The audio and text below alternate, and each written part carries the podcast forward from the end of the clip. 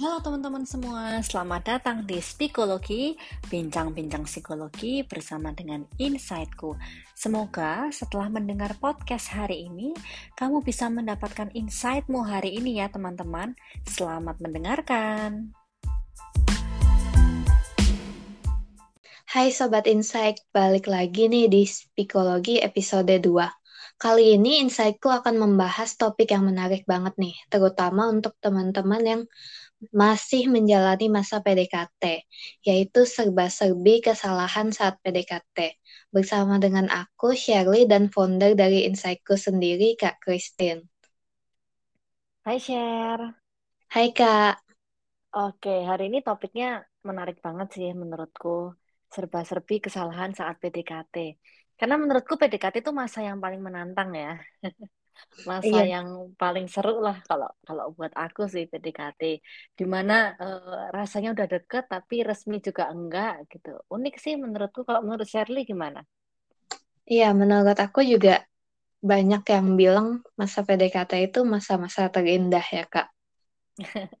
Katanya sih pada begitu ya, Syar. Nah, mungkin kalau indahnya PDKT orang udah udah pada tahu kan gitu. Tapi mungkin aku pengen lebih membahas ke kesalahan-kesalahan apa nih yang kita udah lakuin di PDKT yang lampau-lampau. Kalau Shirley sendiri, ada nggak kesalahan-kesalahan saat kamu PDKT?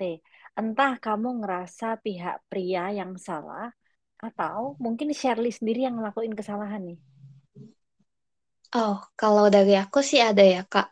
Dan ini baru aku sadari akhir-akhir ini juga. Oke, gimana tuh?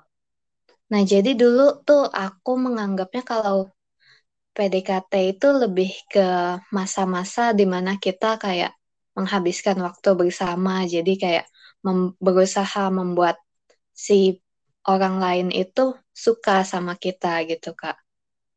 Oh, Oke, jadi ini ya, maksudnya uh, cenderung menyesuaikan uh, dia kayak gimana. Jadi kamu kayak nggak jadi diri sendiri gitu?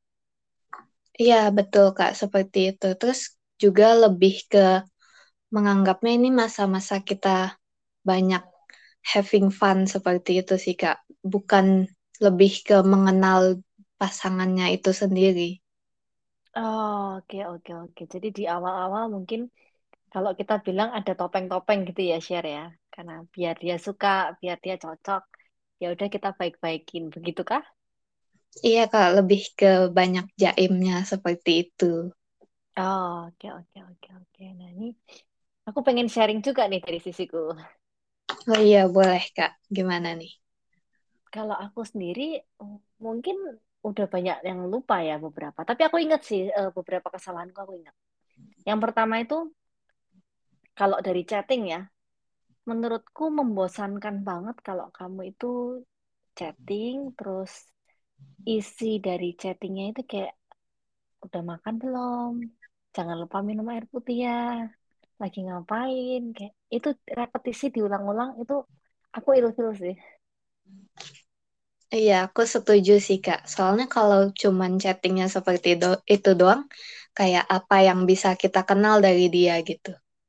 Betul, betul. Itu itu aku itu itu aku ilfil sih. Pernah dapat yang kayak gitu. Jadi chattingnya tiap hari sih. Cuman pertanyaannya tuh selalu kayak uh, udah makan belum? Jangan lupa minum, jangan lupa minum, jangan lupa makan. Ya nggak nggak buruk sih. Cuman gimana gitu kayak membosankan ya jatuhnya. Itu itu yang pertama.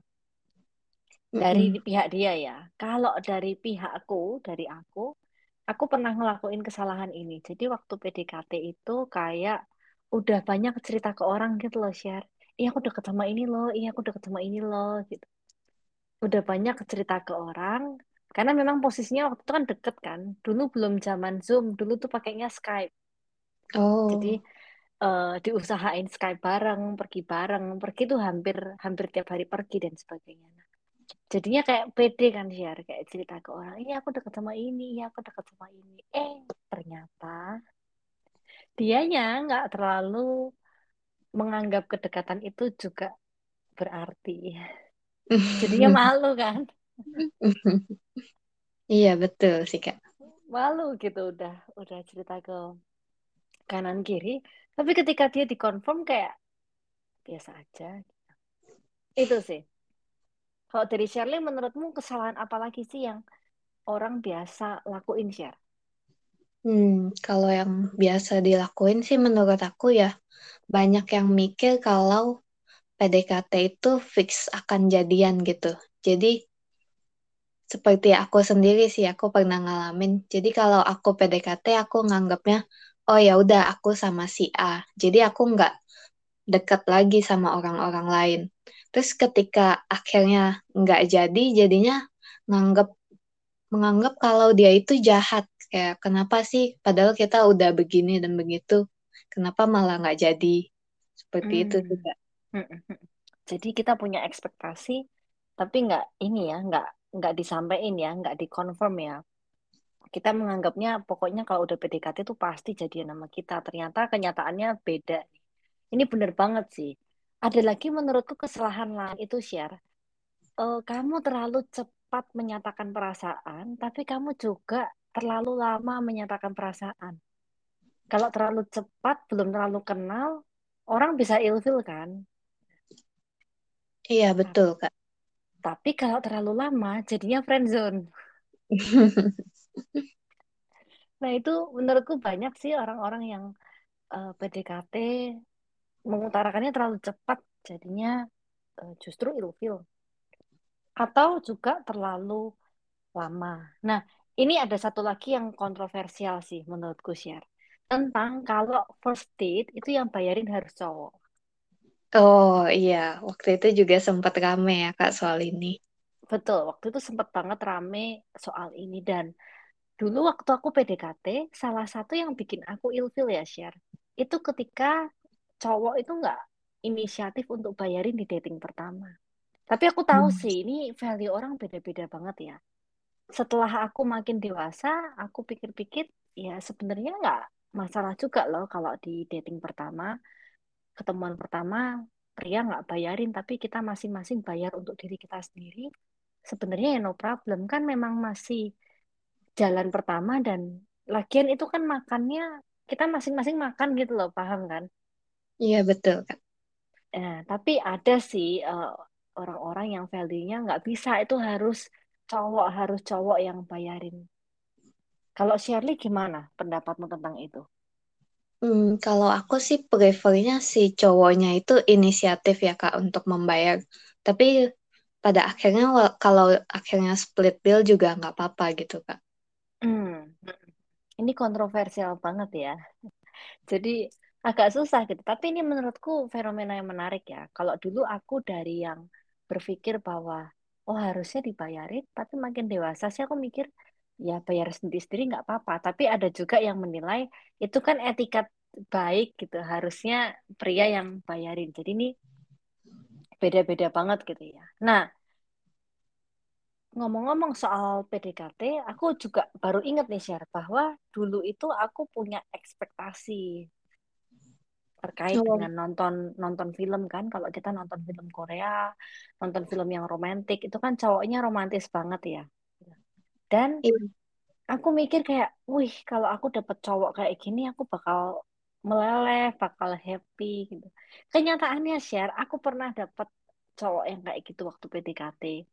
dia ajak romantic dinner, dia bukain aku pintu kan well manner banget ya, Iya kak, Gen- gentleman banget ya. gentleman banget kan. Tapi aku justru ilfeel, Oh iya, kenapa gitu ya kak?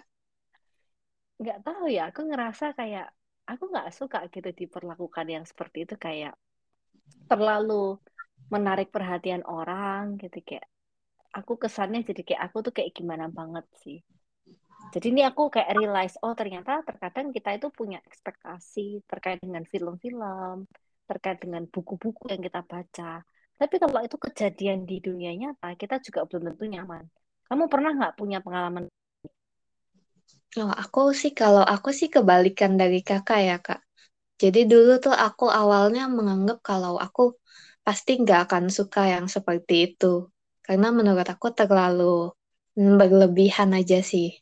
Tapi pada akhirnya ketika aku benar-benar mengalaminya sendiri itu ternyata rasanya menyenangkan juga ya. Jadi kebalikan dari aku ya. Iya, Kak. Oh, Oke, Menurutku ya, ini mungkin pesan buat teman-teman sih, kayak PDKT itu memang kayak tarik ulur gitu kan. Justru di masa-masa yang nggak jelas abu-abu kayak gini itu perlu banget ada batasan atau boundaries. Dalam arti kita masih sadar nih bahwa kita dan dia itu masih berteman. Kita dan dia itu belum ada status. Bahkan kalau ada status pun nggak sehat kalau kita posesif. Kamu itu milikku, kamu nggak boleh pergi sama orang lain. Itu super nggak sehat banget. Yang pertama.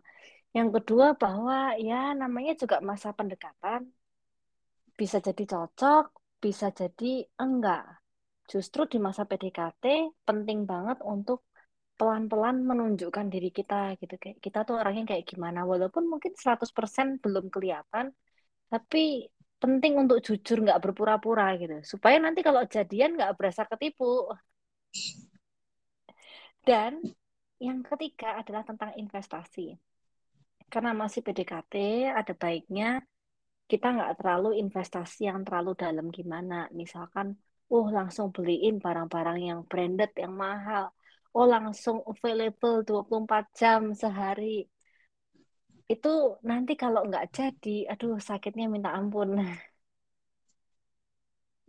Oh, terkait dengan investasi itu sendiri, kalau gitu menurut kakak, kalau lagi PDKT itu boleh nggak sih kak kita PDKT dengan beberapa orang gitu? Sebenarnya karena ini masih masa pendekatan kan, kita deket dengan orang itu nggak apa-apa loh. Nantinya dalam proses pendekatan itu dengan beberapa orang, kan juga akan tereliminasi kan mana yang kita paling cocok.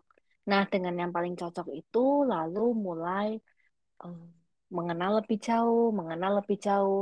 Tapi perlu tahu batasan investasi dalam arti jangan baru PDKT terus langsung beli-beliin macam-macam, langsung invest waktu 24 jam, langsung eh, kasih uang jajan bulanan.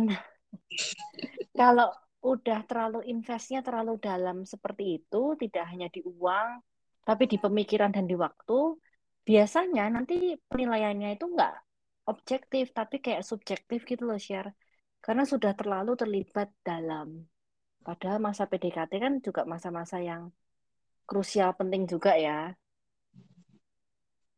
Oh iya, jadinya mungkin lebih bisa jadi malahan nanti hmm, akhirnya memilih dia yang menjadi pasangan kita karena dia memberi kita uang jajan seperti itu, bukan karena benar-benar cocok ya, Kak.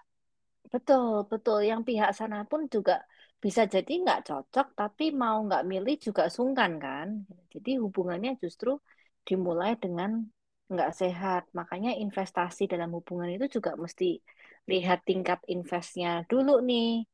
Kayak gitu. Itu sih kalau dari aku buat tips-tipsnya. Mungkin kalau dari Shirley, kamu mau kasih pesan-pesan tertentu nggak terkait dengan masa PDKT?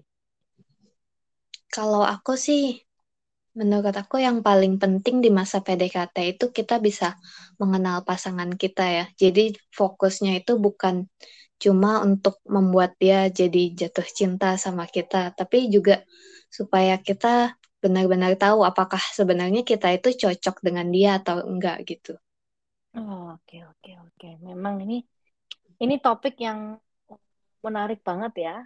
Tentunya nanti teman-teman nggak usah khawatir, insightku di episode-episode berikutnya itu bakal bahas hal-hal lain yang nggak kalah menarik dari ini. Bener nggak, Chef? Iya, betul banget, Kak. Oke. Nah, nah karena udah di penghujung acara, aku cuma mau bilang ke teman-teman kalau keterbukaan adalah awal dari pemulihan. Biarkan insightku membantumu menemukan insightmu. Nah, sampai jumpa di episode psikologi berikutnya ya. Thank you so much teman-teman udah dengerin. Sampai jumpa di episode berikutnya.